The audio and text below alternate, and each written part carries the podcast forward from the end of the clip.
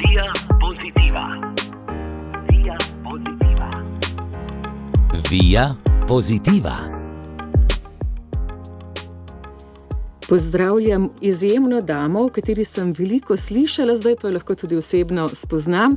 Doktorico Simono Gerenčar, pozdravljeni. Lepo pozdravljeni. Najbolj se zauzemate za gluhoslepe. Ne tako dolgo nazaj, bolj proti sklepu leta, imajo gluhoslepi svoj dan. Ko vstopimo v njihovo življenje, v njihove zgodbe, in nekatere so izjemne, kaj vse zmorejo nekateri ljudje, kakšne zgodbe spišajo, tudi uspešne, ki so mnogim za zgled. Gospa Simona, kako pa ste vi vstopili v njihov svet in kako da ste jim tako predani, kaj se je zgodilo? Ja, um, leta 2000. 2003-2004 sem spoznala eno osebo z gluho slepoto, in ko sem pristopila do nje, seveda, oziroma do njega, ga nisem razumela, in tudi nisem znala komunicirati z njim. Ne glede na to, da sem že bila univerzitetno diplomirana socialna delavka in tolmačica slovenskega znakovnega jezika. Ta trenutek nemoči je v bistvu v meni sprožil nekaj kar, kar mi je dalo misliti, ne le misliti, hkrati sem si rekla, Simona, nekaj naredi ali pa vse diplome vrni. Kaj ti biti nekako uh, in se predstavljati kot socialna delavka, kot tolmačica znakovnega jezika, hkrati pa ne znati pristopiti do človeka, uh, se mi zdi pravzaprav sramotno. In ravno ta sram, ta nemoč me je spodbudila k temu, da sem rekla, da je potrebno nekaj v slovenskem prostoru temeljito narediti. Treba je s temi ljudmi delati. In takrat smo ustanovili Združenje gluhoslepih Slovenije Dlan skupaj s somišljeniki in skupaj tudi z osebami z gluhoslepoto. In šele kasneje sem se zavedala, kdo so pravzaprav ljudje s kratno okvaro sluha in vida. Pravzaprav so ljudje kot vsi mi, le s to razliko, da se njihov svet mnogokrat skoncentrira samo na tisto mikrookolje, dokot jim sežejo v bistvu konice prstov oziroma roke, dlani. In v bistvu takrat vse skozi delam z ljudmi z gluhoslepoto in jih občudujem, občudujem to, kaj vse zmorejo. In vedno znova, kot pravim, ti ljudje imajo želje, cilje, sanje, tako kot jih imamo mi in vsak izmed njih je lahko uspešen, če le to omogočimo mi, mi, ki slišimo in vidimo. In hkrati je to tudi en naš velik privilegij, zato da jim stopimo korak bližje, da jim pomagamo. Kaj ti brez naše pomoči bodo težko uspeli, sploh na tem samem začetku, ampak ko pa jih opolnomočimo, ko jih okrepimo, pa zmorejo izjemno veliko. Tako kot verjamem, da marsikdo pozna zgodbo Helen Keller, pa še zmeraj nekako črpamo navdih od nje, lahko črpamo navdih tudi od ljudi, ki so danes gluhoslepi in so tukaj v našem okolju. Kaj ti ljudje se pravzaprav v ničemer ne razlikujejo, razen v tem, ali jim damo možnost ali ne. In če jim damo možnost, se splača, ker potem lahko prispevajo v družbo, ker so lahko v bistvu srečni, ker lahko živijo tisto, kar si želijo. Preden ste se seznanili z gluho slepo osebo, ste že znali ali poznali jezikovni jezik. Takrat ste bili že spretni tudi tolmačica. Kako je pa do tega koraka prišlo, za to odločitev? Uh, to je zelo zanimivo vprašanje. Namreč v času študija sem uh, želela nekaj več. In takrat me je ena sošolka v bistvu zaprosila, da grem z njo na tečaj znakovnega jezika. To ni bila moja želja, bila je pa njena in to je izjemno velika želja. In to sem ji naredila tako kot kolegici, kot prijateljici. In na koncu, po enem letu, je rekla, da ne bo nadaljevala, jaz pa sem rekla, da bom nadaljevala, ker se mi zdi, da je to potrebno. In tako se je nadaljevalo nekje do konca študija, ko sem rekla, da sem s tem področjem, s področjem gluhote, pravzaprav zaključila po diplomski nalogi, in šele potem, po zaključku diplome, se je zgodilo nekaj, kar nisem znala sprejeti: smrt partnerja. In ravno ta smrt partnerja je pripeljala do tega, da sem rekla, da je potrebno nekaj narediti, zato da preživim, zato da lahko grem naprej.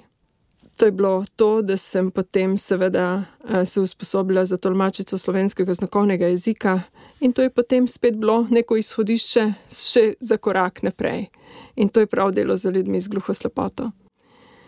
Jaz vedno pravim, da je življenje tisto, ki nas vodi, in nismo mi tisti, ki vodimo življenje. Tudi če mislimo, ali pač tudi če želimo, da ne bi bilo temu tako. Tako da slediti življenju je tisto, kar je najpomembnejše. Doktorica Simona Gerenčer, kako se je bilo sploh uh, začeti, kako ste vstopili v ta znakovni jezik, vaš odnos, kako nam približate dobro odločitev, vi ste šli kot spremljevalka, zgolj na povabilo prijateljice, ampak kako se vam je odpiral ta svet, vaše razumevanje? Prvi stik z znakovnim jezikom je bilo za me, ne bom rekla, da je bilo težko, še zdaleč ne, jaz sem nekako. Um, začela razmišljati o tem jeziku čez čas, in mi je bilo v neko veselje. Jaz sem v teh gibih, kretnjah um, uživala in uživam še danes. Ampak sem nekako ugotovila, da potrebujem tudi nekaj več.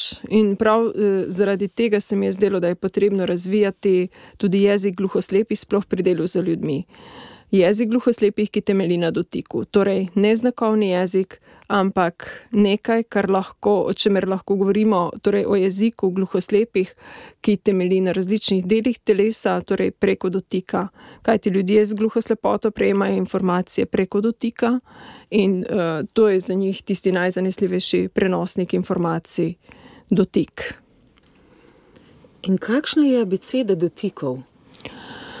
V bistvu pri jeziku gluhoslepih govorimo o številnih načinih sporazumevanja na taktilni način, in sicer običajno je vedno tako, da kombiniramo načine sporazumevanja, kajti zaenkrat nimamo dovolj znakov, dovolj stvari, da bi lahko samo na en način, in je kombinacija nujno potrebna. Seveda je pa vedno odvisno tudi od tega, Eh, kaj, kateri način sporazumevanja je pri osebi z gluho slepoto najbolj sprejemljiv, najbolj razumljiv in eh, ki ga tudi oseba z gluho slepoto najbolje razume. Tukaj je potrebno tudi kar precej nekih izkušenj z posameznikom, in dobro je, da se uh, oseba z gluho slepoto, kot pa tudi tisti, ki prevaja oziroma ki komunicira z njim, imata neko kilometrino. Um, Seveda, eh, Slovenija je ena redkih držav, ki razvija tudi haptični način sporazumevanja z ljudmi z gluho slepoto, to pomeni na hrbtu in pa na nadlakti ter na ramenih. To je način sporazumevanja, preko katerega prenašamo v bistvu vizualne informacije. Kaj ti osebi z gluho slepoto ne zadostuje, da prenašamo samo auditivne informacije, ampak tudi vizualne informacije hkrati. In eh, zaradi tega je, bi bilo najbolj optimalno, da imamo hkrati dva tolmača. En, ki prenaša auditivne informacije, drugi pa vizualne. Kaj ti mnogo krat, ravno zaradi časovne stiske, ne moremo oboje prenašati. Hkrati, kajti tudi govori so običajno tako hitri, da si to ne moremo privoščiti, in pa tudi eh, zato, da posameznik res zanesljivo prejme informacijo in jo kot tako tudi razume, je potrebno, um, je potrebno da v bistvu kombiniramo. Kolikšna je pa povratna informacija? Kako široka in odprta je pot z gluhoslepimi, ker nekateri postanejo gluhoslepi v nekem obdobju življenja, že imajo morda neko govorno izkušnjo za seboj ali pa vidno približate ta njihov svet? Ja, gluhoslepota je izjemno raznolika. Ne? In v bistvu je to potrebno upoštevati, kajti nekdo se lahko rodi že kot gluhoslep, pri nekom se pa lahko druga okvara pojavi tekom življenja. In govorimo o pridobljeni gluhoslepoti, lahko so pa seveda tudi posamezniki, pri katerih se pojavi ta hkratni okvar, oziroma vsaj ena od okvar kasneje v življenju, torej po 65. letu starosti, in govorimo o starostni gluhoslepoti.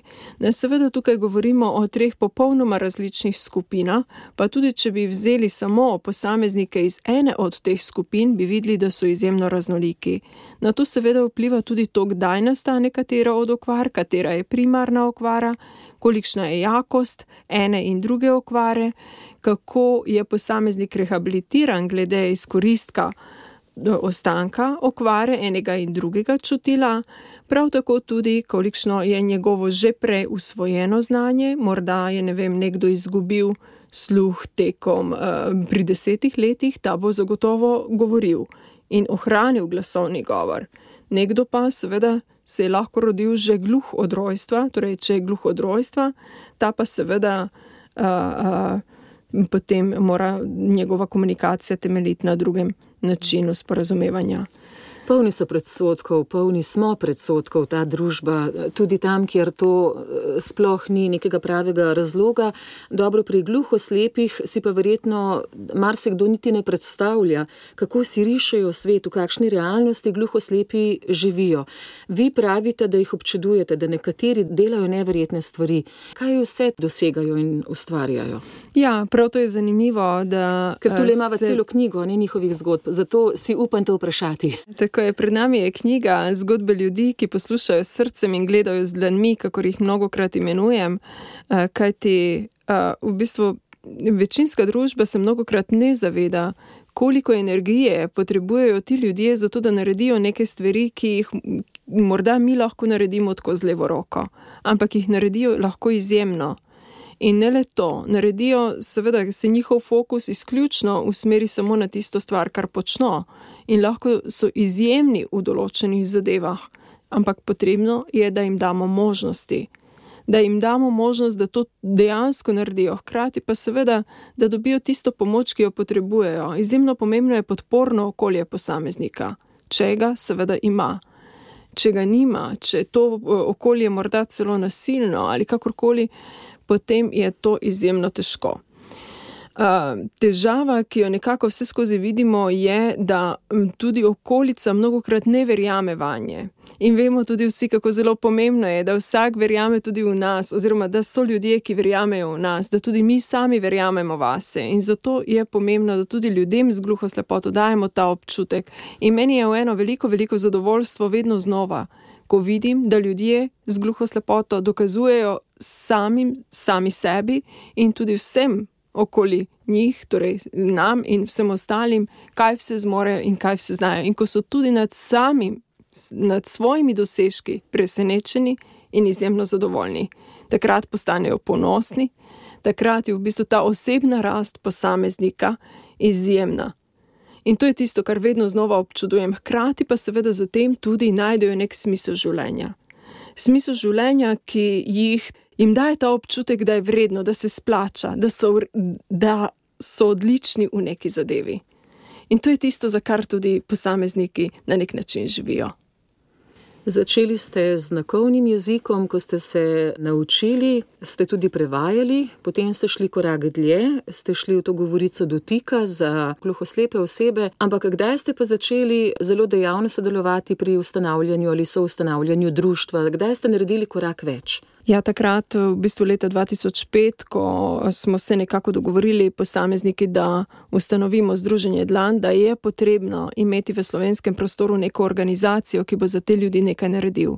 Kajti predtem so gluhoslepi bili, niso bili prepoznani in prav tako niso imeli nobenih pravic kot gluhoslepi. Ali so se opredelili kot gluhi, ali morda kot slepi, ali morda so pristali v neki tretji organizaciji, socialno-varstvenih zavodih in tako naprej. Smatram, eh, in ne le smatram, ampak zagotovo je, da ljudje z gluhoslepoto imajo popolnoma drugačne potrebe kot eh, katerakoli druga skupina invalidov, in je potrebno v bistvu upoštevati hkratno okvaro, seveda k tej hkratni okvari so lahko še kakšne pridružene okvare, pri posamezniku lahko tudi bolezenska stanja in je potrebno človeka obravnavati celostno, ga pogledati celostno. Ni vseeno, kdaj, uh, uh, kolikšna je ta okvara, kdaj se ta pojavi, ni vseeno, ali ima še poleg tega še kakšne druge okvare. Namreč tudi osebe z čaržom imajo po 6-7 okvar hkrati ne? in je potrebno uh, Potrebno je pri delu z njimi izhajati izključno iz njihovih potreb, iz potreb posameznika.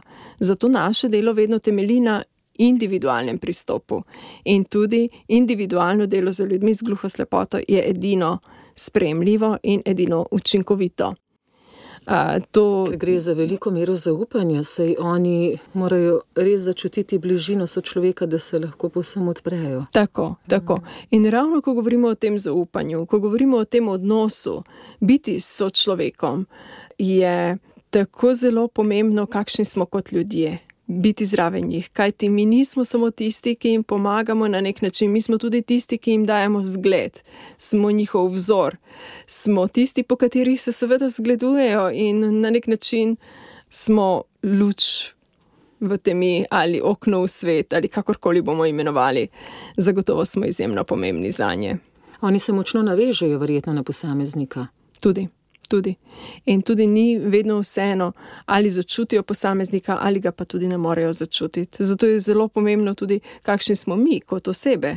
Jaz vedno, ko izbiram sodelavke, sodelavce, mi je v prvi vrsti pomembno, kakšen je človek. Ne kakšno znanje ima, ampak kaj nosi v sebi, kaj nosi v svoji duši.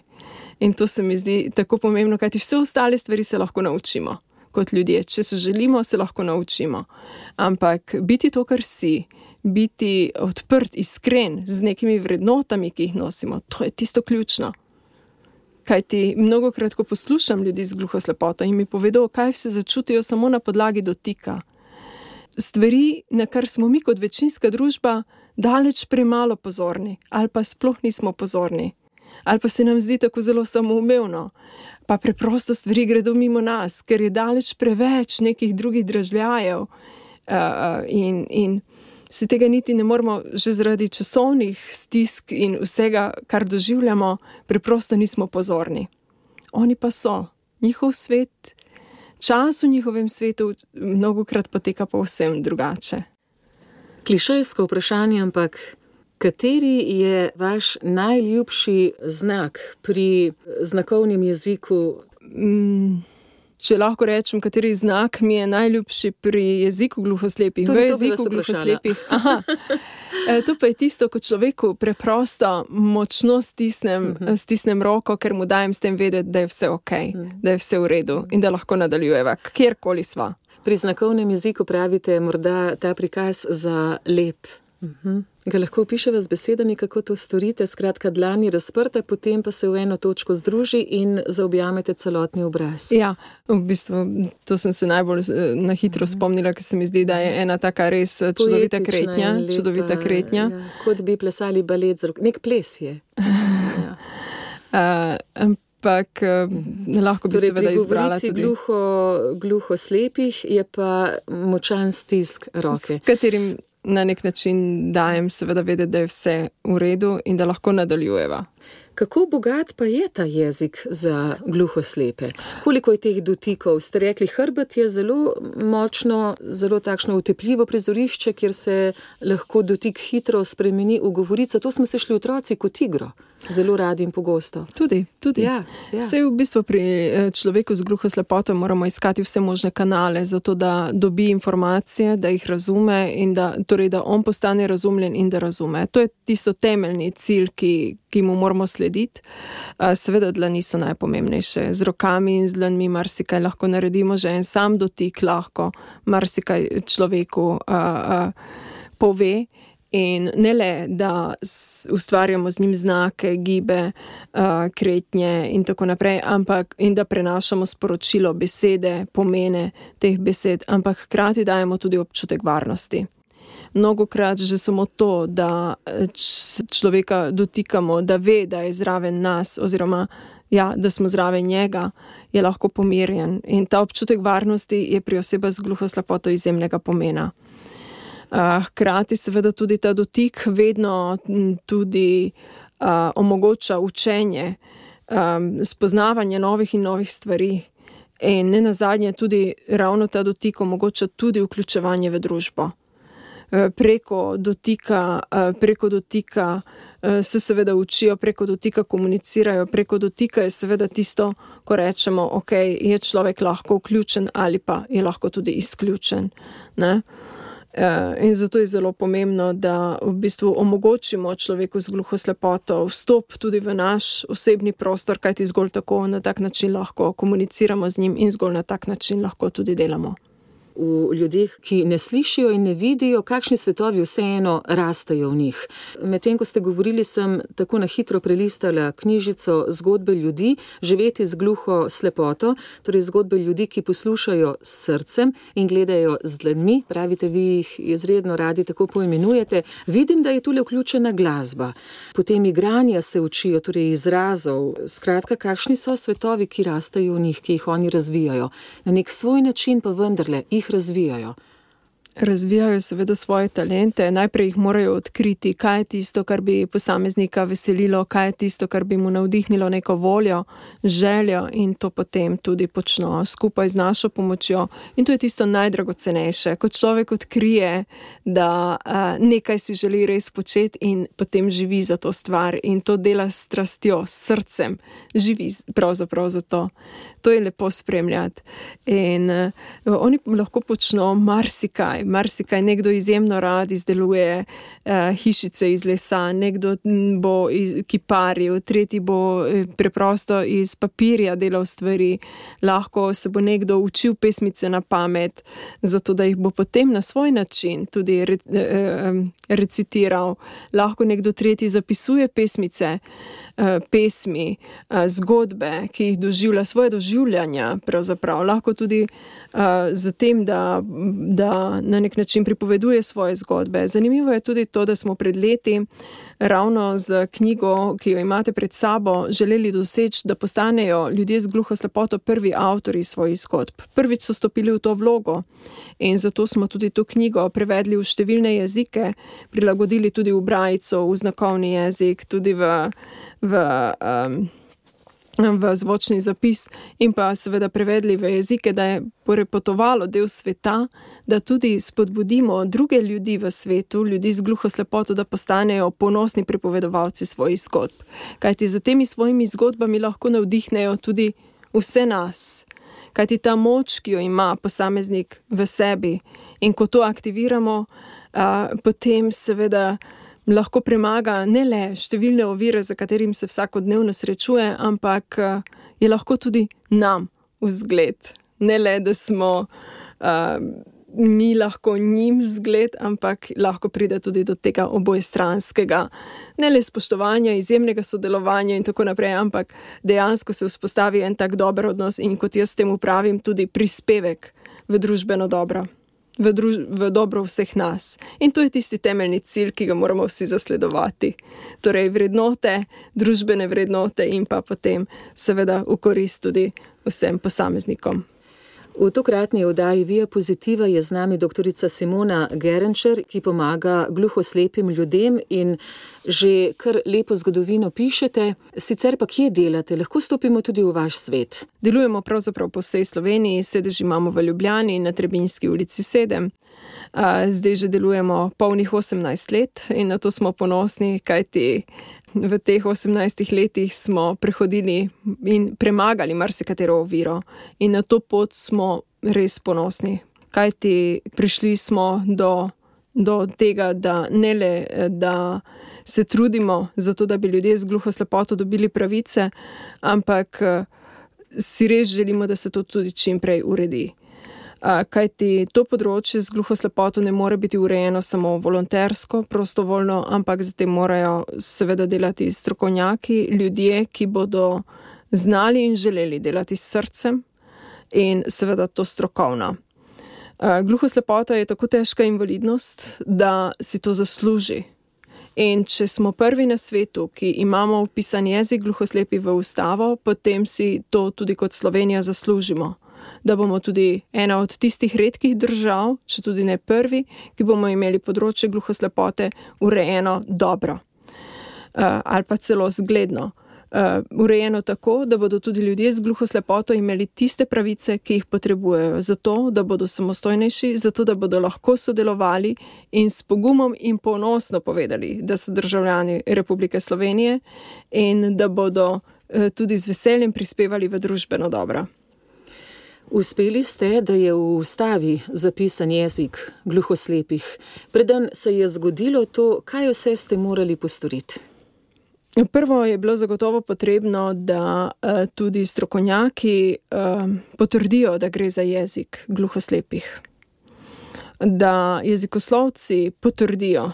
To, to je bila za me ena pomembna faza. Ja, kako ste In, se tega sploh lotili, ker vendarle ste urali ledino tudi na tem področju? Ja, eh, ko v bistvu človek prejema eh, informacije preko dotika, to je popolnoma drug kanal, kot pa ko ga prejemamo. Seveda, mi zdaj, ko se pogovarjamo, prejemamo preko sluha. Eh, Gluhi prejemajo preko vizualnega kanala, medtem ko, medtem ko gluhoslepi preko taktilnega kanala. Ne? In prejemanje preko različnih kanalov, prejemanje informacij preko različnih kanalov je seveda popolnoma nekaj drugega. In tudi temu se je potrebno vse skozi prilagajati. Tudi ko prevajamo v jezik gluhoslepih, je potrebno to upoštevati, da človek z gluhoslepoto, seveda v eni sekundi ali pa če bom rekla tako v eni minuti, zagotovo ne more prejeti tako hitro toliko informacij, kot jih mi, mogoče z enim hitrim govorom, lahko podelimo preko enega drugega kanala. Ne?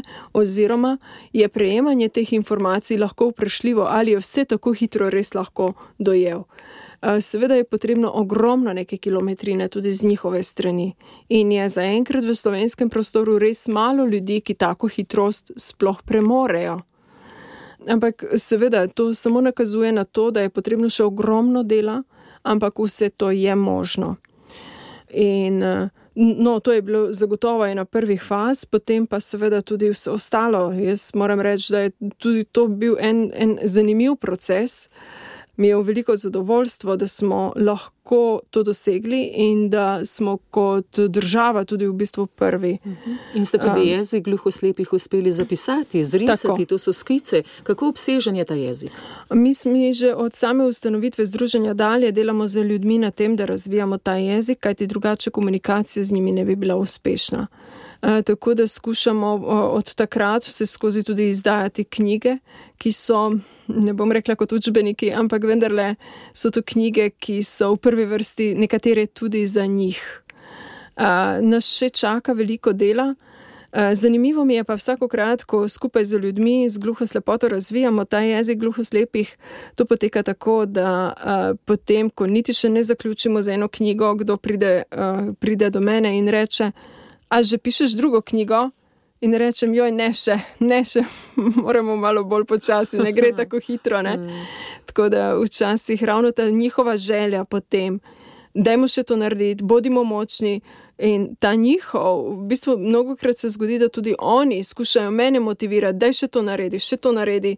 In včasih uh, se ujamem v tem, da vsem naenkrat pa res ne morem ugoditi, ker, ker je nemogoče. O, avtorica kolikih knjig ste tako že ali pa so avtorica? Um, jaz mislim, da sem v lanskem letu enkrat seštela, koliko je teh knjig z vsemi prilagoditvami, z vsemi prevodi, ki smo jih izdali v Združenju Dlan. To je bilo v lanskem letu, jaz mislim, da je bilo okrog 40. Uh, ampak to res z vsemi prilagoditvami, kar pomeni, da je ena knjiga lahko išla tudi v treh, štirih prilagoditvah, odvisno od. eh, Torej, v brajicu, znakovni jezik, lahko branje, in tako naprej, in pa tudi v vse prevode. Ko razmišljam o gluhoslepih in nekateri so videli en del življenja, imajo zdaj v spominu, kako je strukturiran ta svet. Potem so ljudje, ki so slišali en del življenja in imajo te zvoke v svojem spominu. Težko si je kljub vsemu predstavljati, preko kakšnih kanalov podoživljajo in konec koncev pišajo potem pa neko realnost, kako preživijo vsak dan in kako si bogatijo življenje. Ravno tako imajo cilje, imajo želje in nekateri so zelo uspešni na svojih področjih. Torej, kakšne so te govorice, preko katerih delujejo in vas presenečajo? Oni zaznajo verjetno v prostoru neke premike, čeprav ne vidijo, ne slišijo. Mi se običajno preko teh dveh kanalov sporazumevamo. Nekaj slišim, se ozrem, nekaj vidim, tja pogledam. Oni pa tega nimajo. Ampak vendarle bi težko rekli, da manj slišijo in da manj vidijo. Ja, v bistvu, seveda, ne, sej, uh, že s premikanjem zraka oni začutijo, če kdo pride v njihovo bližino. Ja. Oni, oni se lahko na to tudi odzovejo in bi mi mislili, da pač vidi me, ni res. Ne? Ampak že s tem, s tem pa tudi vi- preko vibracij, marsikaj -huh. lahko zaznajo. Uh, prav tako, seveda, dotik. Dotik je tako zelo pomemben. Dotik je vedno uh, pri njih, kot pri nas, pogled v oči. Težko bi v bistvu komunicirali z, z osebo z gluhoslepoto, brez da se ga dotaknemo. Ko se ga dotaknem, pa se njemu razprejo čustva, prepozna moje razpoloženje. Lahko, tudi. lahko, lahko. Kajti ta dotik imajo zagotovo veliko bolj um, izostren, kot, pa, kot ga imamo mi. Ne, tudi recimo to zaznavanje, kar ste prej omenili, da v bistvu zaznamo preko vibracije, oziroma ali preko vibracije, ali pa tudi preko premikanja preko zraka. Ne.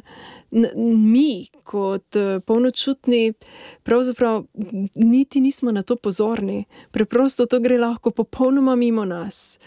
Pri njih je to vendarle drugače. Ne? So izjemne sposobnosti, zelo subtilne in zelo visoko razvite. Tako in tudi, tudi m, zelo pomembne so določene vrednote pri njih. In jaz mislim, da to je tisto, kar se tudi mi lahko od njih učimo. Jaz večkrat rečem, da tudi ljudje, ki smo kot večinska družba, včasih mogoče na tleh ali pa se počutimo slabo, bi bilo dobro, da pridemo po, po pomoč, pomoč, torej to moč izpostavim k njim. Kajti ne malo krat sem doživela to, tudi um, je bila kakšna študentka na praksi ali pa uh, izpoznavala ta svet, uh, področje gluhoslepih. Potem so gluhoslepi bili tisti, ki so jo pogumljali, ki so ji rekli: še naredi ta izpit, seveda, da boš, ne glede na vse obveznosti, ki jih imaš. Ne? In ko, ko dejansko to doživim, potem vidim, kakšne, kako smo jih zelo okrepili, da so v bistvu oni lahko že tisti, ki nas motivirajo. Ne? In tako kot sem tudi prej rekla, ko včasih pridejo, ali že pripravljaš naslednjo knjigo, ali že delaš to in to. Ja, seveda, da ne, ker ne uspem. Ne? Ampak. Uh, uh, Ravno to je tisto, ko rečem, ti ljudje zmorejo izjemno veliko, le priložnosti jim je potrebno dati. In kot družba si to zaslužimo, da jih ne vidimo, da jih ne ocenjujemo na podlagi tega, česar nimajo, ampak da vidimo v njih tisto, kar imajo. To je vedno zelo pomembno. Kot so rekli, se pa v njihovem svetu nekaj tako izjemno izostri, da so pa tam daleč pred nami in nas prekašajo, in so pa v tistem lahko naši močni učitelji. Da pa mi vendarle damo priložnost temu svetu, da nas nagovori preko drugih čutil, še z eno drugačno subtilnostjo. In to je res osupljivo, kako te dotike oblikujete. Je ples, tako, je ples dlani in si lahko marsikaj povesta. Ja, res je, tako kot dobro primerjava ste našli, kajti jaz mnogo krat pravim, da se s človekom moramo ujeti in da na nek način plešemo. Če bo stremel vsak samo v svojo smer, ne bo v redu, je potrebno, da najdemo to harmonijo drug z drugim in da znamo zaplesati, kajti roke so zelo pomembne. Včasih seveda lahko pride tudi do nekega sporazumevanja, do nekega pogovora, ki je polno nekih čustev. Lahko je to tudi jeza, lahko je to žalost, lahko je razočaranje, karkoli, sploh ni pomembno, takrat je nekoliko težje. Ne, ampak tudi v teh situacijah je potrebno obvladati v bistvu in, in dati človeku to, dati vedno človeku v bistvu vedeti, da je spoštovan, ne glede na to, kakšna čustva so ga preplavila, kajti vsak ima pravico biti jezen, žalosten, karkoli. Ne? In uh, tukaj smo, ko smo še toliko bolj v tem osebnem prostoru posameznika, je to včasih uh, toliko večji izziv. Pred 18 leti ste prevzeli vodenje Združenja Dlan, gluhoslepih Slovenije. Sem generalna sekretarka, sem pa 8 let delala prostovoljno. Šele konec leta 2012 sem se zaposlila na Združenju Dlan. To je seveda bila ena priložnost za to, da naredimo to področje ne le bolj vidno, ampak da res prilagodimo potrebam ljudi z gluhoslepota. Nerodno vprašanje, ampak bi rada, da nam zgodbo vsaj katerega zelo približate, da si bomo znali predstavljati, kakšne izjemne zgodbe in kakšne izjemne uspehe nekateri dosežajo. Vem, da je težko zdaj izmed vseh teh zgodb izpostaviti nekoga, pa bi si morda kdo mislil, da ta je najboljši. Sploh ne želim, da bi v to primerjanje vstopili ali pa v neko tekmovanje. Samo nekaj nam vendarle podelite ali pa zgodbo večjih nam povejte, kaj vse dosežejo ti ljudje. Mene je takrat, ko smo ustanovili Združenje Dlan, uh, najbolj pritegnilo to, ko sem slišala, poslušala te ljudi, ko mi je vsak pripovedoval svojo zgodbo in te zgodbe so bile izjemno žalostne. Te zgodbe so bile popolnoma prepojene z neko diskriminacijo, z ničevanjem, z nasiljem. Eh, pravzaprav ni človeka, ki ne bi doživljal nasilja ali celo dlje časa trajajoče kontinuirano nasilje. To so bile seveda zgodbe, ki so se me do tolikšne mere dotaknile, da sem rekla, da je potrebno, da nekaj naredimo. Danes sem izjemno ponosna na njih, tiste, s katerimi že dlje časa delamo, pa seveda tudi tiste, s katerimi sedaj smo eh, pač pred kratkim, ampak vendarle. Ko dlje časa sodelujemo z njimi, jih krepimo, delamo z njimi, vidimo, da je ta rast posameznika izjemna in da lahko skupaj ustvarimo res čudovite zgodbe. Ko danes ti ljudje stopijo tudi pred medije, ko stopijo v javnost in so ponosni, ponosni na sebe, na svoje dosežke. To so tiste zgodbe, ko lahko rečem, splača se. Vsakokrat znova, ko oni najdejo ta svoj smisel, bodi si v kateri koli zadevi, v kateri koli stvari, ko bi mi rekli, ah, se, mogoče se to ne splača, še kako se splača, še kako se splača, ker lahko delajo čudovite stvari in je to v največje zadovoljstvo posameznika. Kaj pa je najbolj pomembno? To, da je človek zadovoljen in srečen. In ko me včasih kdo pogleda, pa si misli, ja, ampak aj lahko človek, ki je gluho slep, srečen? Lahko je, to sami povedo. Ne? ne glede na to, v kakšnem stanju je človek, je lahko tudi zadovoljen, kaj ti najde nekaj tistega, kar je za njegovo dušo, kot, kot včasih pravim. Ne? In uh, Uh, in take zgodbe potem se lahko pišejo in so pozitivne zgodbe.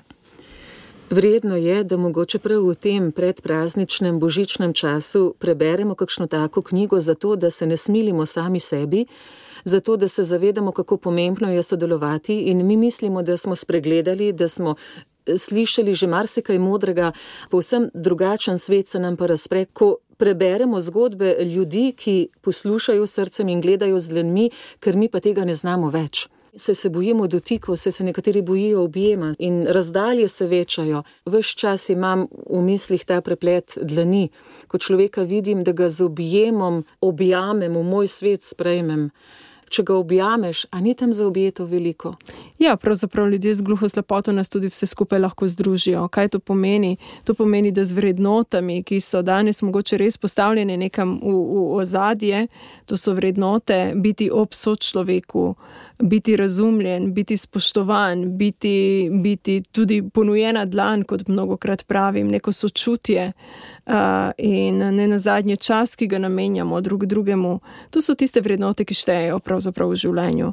Ne? In pri ljudeh z gluho slepoto je to nujno je to nujno in ravno zaradi tega je lahko tudi kot skupnost gluhoslepih mnogo krat zgled, mogoče večinski družbi. Tako da jaz res prijazno vabim vsakega, ki čuti, ki ga zanima to področje, ki bi mogoče želel biti deležen uh, kakšnih trenutkov iz tega sveta, da, da nas obišče da nas pozna na nekoliko drugačen način, kajti s tem tudi lahko razbijamo kakšne stereotipe. In zagotovo je to bil tudi eden naših ciljev, ravno s filmom Moč dotika, ki smo ga predstavljali, uh, smo imeli premiero v kinu Šiška in eh, ravno v tem filmu smo želeli to predstaviti, da razbijemo stereotipe. Kajti mnogo krat, kot večinska družba, si nekako predstavljamo, da je človek gluho slep samo takrat, ko čisto nič ne vidi, čisto nič ne sliši in da tak človek ničesar ne more. Seveda zmore, zmore veliko, potrebno ga je naučiti, potrebno ga je okrepiti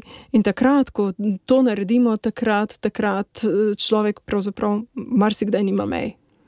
Občudujete, ko postanejo zelo, zelo samostojni? Ja, jaz jih vedno občudujem in so samostojni, če jih le naučimo. Tako, tako, ravno zaradi tega se mi zdi, da lahko delam z veseljem z njimi in srcem, ker jih občudujem. Ker jih ukolikor, ja, ker ukolikor bi se oni meni smilili ali kakorkoli, da bi jih gledala samo to, če se nimajo, potem verjetno ne bi mogla biti. Bi tukaj, oni začutili, ker ra razumela sem malo prej, oziroma razmišljala, verjetno tudi, tudi zlaganost prepoznajo. Absolutno. Ne, si, Absolutno. Ja? To je nekaj, to je v bistvu. Eh, biti iskren, biti, uh, biti uh, kako naj povem, tudi načelen, uh, iskren um, in odprt. To, to, to so zelo, zelo pomembne vrednote, ki jih zelo, zelo cenijo. In če tukaj zlorabimo stvari, mislim, da smo zaključili. Ampak celotna družba je tu zelo na spornih tleh. Uh, Veliko je neke dvoličnosti, čičkanosti, no, da ne naredim treh pikic. Že v tem se ja. je močan zgled. Oni si tega ne morejo privoščiti in zato preprosto v tem jeziku ne nastopajo. Ja, se ravno tudi, če si predstavljamo, ne, ko oni morajo zaupati svoje življenje, zaupati vse, koga spremljamo, kamorkoli. Ne, je zelo pomembno, da zaupajo. In zaupaš lahko človeku res, ko verjameš, da, da dela v tvoje dobro, ko verjameš, ko, ko mu zaupaš, ko, ko nimaš pomislekov, ko ne rabiš dvomiti v to, aha, a, ne vem, ker je pač zgubil kovanec ali bo to kdo drug vzel ali ne bo. Skratka, tukaj mora biti neko res pomembno zaupanje in ne le to veliko več.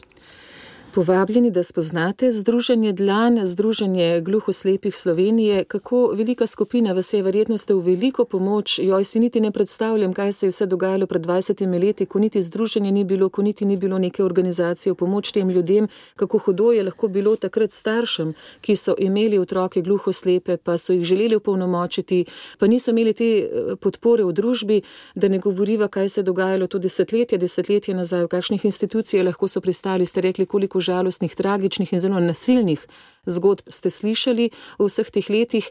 Kolikšno olajšanje je lahko danes staršem, ki imajo med seboj izjemne ljudi, ki so gluhoslepi in zdaj vedo, kam se lahko obrnejo, pa še da jim država pomaga in da imajo celo v ustavi svoj jezik. Verjetno si mi, ki delujemo, ki slišimo, ki vidimo v tej družbi, tega niti ne zavedamo, kako, kako velik uspeh je to. Um, Na svetovnem ja. nivoju, če sem prav razumela, ste kar med prvimi. Ja, glede upisa v ustavo, ja. Ampak upis v ustavo je odlično izhodišče za to, da se mora sprejeti zakon. Zakon, ki bo urejal področje gluhoslepote celostno in ko bodo ljudje dejansko dobili pravice kot gluhoslepi. To nas čaka, to nas čaka v prihajajočih mesecih, letih, kakorkoli jaz upam, da seveda v prihajajočih mesecih, kajti zelo se trudimo že nekaj časa uh, v tej smeri, ne le da nenehno dokazujemo, kdo so ljudje z gluhoslepoto, kakšne so njihove potrebe, kaj je potrebno narediti, ampak da se ta pomemben korak dejansko tudi zgodi in da bo dejansko olajšalo življenje ljudem z gluhoslepoto v vsakdanjem življenju, ne glede na to, ali govorimo o mladih ljudeh ali o starih. Kaj ti imeti pravice kot gluhoslepi, vedno pravim, to mora biti temeljna pravica. Tisto, ki bi pripadala pravzaprav vsakemu. Dostojanstvo ste jim vrnili. E, To je nujno. To je nujno, kajti, tako kot vedno poudarjam, to so ljudje. To so ljudje, ki si želijo živeti, to so ljudje, ki si želijo dosegati stvari, to so ljudje, ki želijo prispevati v družbo, ki želijo spoštovati, ki želijo marsikaj, ampak je potrebno tudi marsikdaj pokazati, kako se to lahko naredi. Kaj ti svet slišečih in videčih, torej polnočutni svet in pa svet gluhoslepih, tukaj je ena bistvena razlika in velika razlika. Oni drugače doživljajo svet, kot ga doživljamo mi. In eh, tukaj smo mi mnogokrat samo kot nekakšen most, ki naredimo to povezavo in hkrati moramo razumeti in ta svet, in drug svet. Jaz sodim v to polnočutno družbo, a hkrati delujem vsak dan v svetu gluhoslepih. In je prav, da razumem njih in povezujem oba svetova, vmes so pa seveda svetovi gluhih, svetovi slepih in tako naprej. Ne, in še drugih skupin invalidov. Uh, ampak uh, vse mnogokrat to ni, ni lahko, ampak vendarle moramo tukaj najti najt, uh, neko skupno. Mm, Moramo najti nek skupen jezik, če bom tako rekla, kjer bomo znali sodelovati drug z drugim in kjer bomo tudi razumeli drug drugega. Doktorica Simona Gerenčer, v zadnjih minutah pa dovolite, da tudi vas nekoliko pobliže spoznamo. Hvala za iskrenost na začetku, da vidimo, kako je tragična zgodba, ki je vas osebno doletela, vam dala vendarle neka, nekega zagona, narediti nekaj na sebi, da premustite lahko žalost. Izjemno veliko delo ste naredili. Eh, Kje pa vi še ob teh, poleg teh glukoslepih oseb, torej oni vas izredno napolnjujejo, čutim, kje pa še znate poskrbeti zase, kaj vas še veseli. Kdo je Simona? Simona v svojem bistvu. Ja, eh, ja mnogokrat ugotavljam, da v bistvu, če ne večino dneva, pa cele dneve, kakorkoli preživim uh, pri delu z ljudmi in za ljudi. E, tako da težko na to še kaj od drugega odgovorim, kot to, da delam. Kakšni so vaši cilji za naslednje leto? Rekli ste že, zdaj v ustavo je zapisana ta pravica, se šele zares začenja, da uredite tudi zakon. Kaj še, kakšni premiki so še med vami? Pisanje knjig, ustvarjanje za gluhoslepe, da bi ostala dediščina za nje, da ne bi začeli, ne tisti, ki bodo gluho slepi v prihodnih letih, desetletjih, da ne bi začeli vedno znova na začetku, ampak bi že imeli dostojanstvo in svoje mesto v družbi. To zdaj, to zdaj delate. To mislim, da je nujno in, uh, in neizbežno. Eh, seveda si želim, da bi tudi čim bolj uh, okrepili stroko na področju gluhoslepote, da bi tudi, seveda, z njihovimi prispevki, torej z njihovim sodelovanjem z ljudmi z gluhoslepoto, lahko res ustvarili eno, en, ene take pomembne pristope in razvili jezik do tolikšne mere, da tudi vsem nadaljnim generacijam ljudi z gluhoslepoto je to lahko potem kot neka dediščina, tako kot ste rekli, hkrati seveda, da dobijo pravice da dobijo pravice kot ljudje in da se s tem tudi izboljša kakovost njihovega življenja in ne na zadnje tudi življenja njihovih svojcev in prijateljev. Jaz seveda se k temu zelo prizadevam, hkrati imam nekako tudi vedno v mislih. Zgodbo izpred stotih let na Mačarskem, ko so tudi začeli delati z ljudmi z gluho slepoto, in si vedno mislim, da se to ne sme zgoditi pri nas, da bi že na tej stopnji potem pač nekako zamrlo, ampak da je potrebno peljati naprej, ker ti vsak človek z gluho slepoto si to zasluži. Najlepša hvala, da ste prinesli tudi ta življenja v naš radijski prostor. Posebej pomenljivo se mi zdi resnično zdaj tik pred Božičem, da smo spoznali to usupljivo željo po življenju, biti človek in biti v polnosti človek z vsemi darovi, tudi gluho slepi, so polni talentov, polni sposobnosti in vi jim pomagate, da jih lažje uresničijo, da jih prepoznajo v sebi in potem jim date tudi prostor, da jih lahko uresničijo lepo in zelo velikodušno delo upravljate in si želim, učimo se poslušati srcem in učimo se gledati z dlanmi. Zdaj bo mnogo stiskov rok.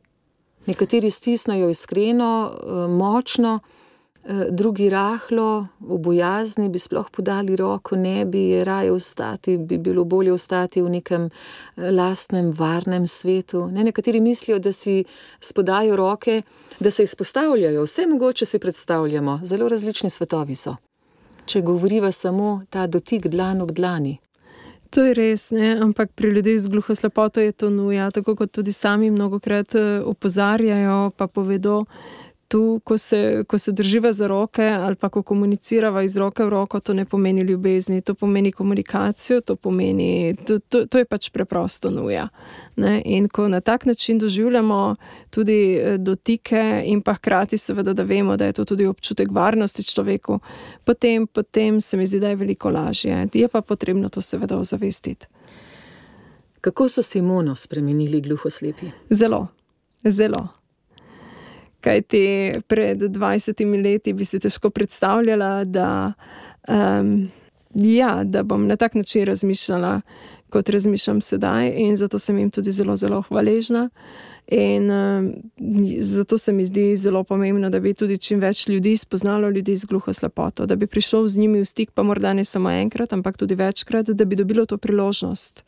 Kaj ti šele takrat nekako začneš gledati, mogoče tudi na svet nekoliko drugače. Postanejo neke vrednote pomembnejše, kot, kot so bile prej, kot, so, kot bi bile sicer. Ne?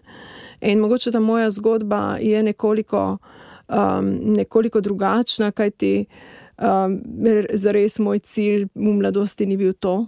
Da gremo v tej smeri, kot uh, se je potem dejansko zgodilo, ampak jaz vedno pravim, iz vsake situacije je potrebno narediti najboljše in se prepustiti. V bistvu se boriti proti vetru, kot mnogo krat rada rečem, ni smiselno, ampak preprosto sprejeti. Če je to moja pot, potem je prav, da hodim po njej in sprejemam seveda vse njih in eh, delam z njimi, ne glede na ovire, ki pridejo na pot. In meni so dali res izjemno veliko in vedno znova me še učijo marsičesa novega. Tudi, tudi ta čas, ki ga doživljajo drugače, je za me bil pred leti ena velika novost uh, in uh, si nisem znala predstavljati. Ampak uh, hvaležna sem danes tudi, seveda, za to, da me je življenje pripeljalo do tega in da sem takrat, ko sem bila mogoče res najbolj na tleh, nekako začutila to. Začutila njih, začutila tega gospoda, kajti verjetno, če ne bi bila tako na tleh, bi lahko odkorakala mimo njih in se niti ne bi ozrla. Um, ampak ravno zaradi tega je to včasih taka umetnost, kaj ti um, zaznati te ljudi. Um, mnogo krat, mnogo krat uh, si kdo drugače predstavlja, pa zelo hitro ugotovi, da tega ne zmore. Mnogo krat pa kdo pride, pa si vseeno srčno želi in damo priložnost, pa, pa, pa mogoče uspemo. Ne? Tako da. Ja, jaz si res želim, da bi čim več ljudi spoznalo ljudi z gluho slepoto in da bi vsi skupaj seveda črpali drugo drugega energijo in moč in dokazali, da zmoremo.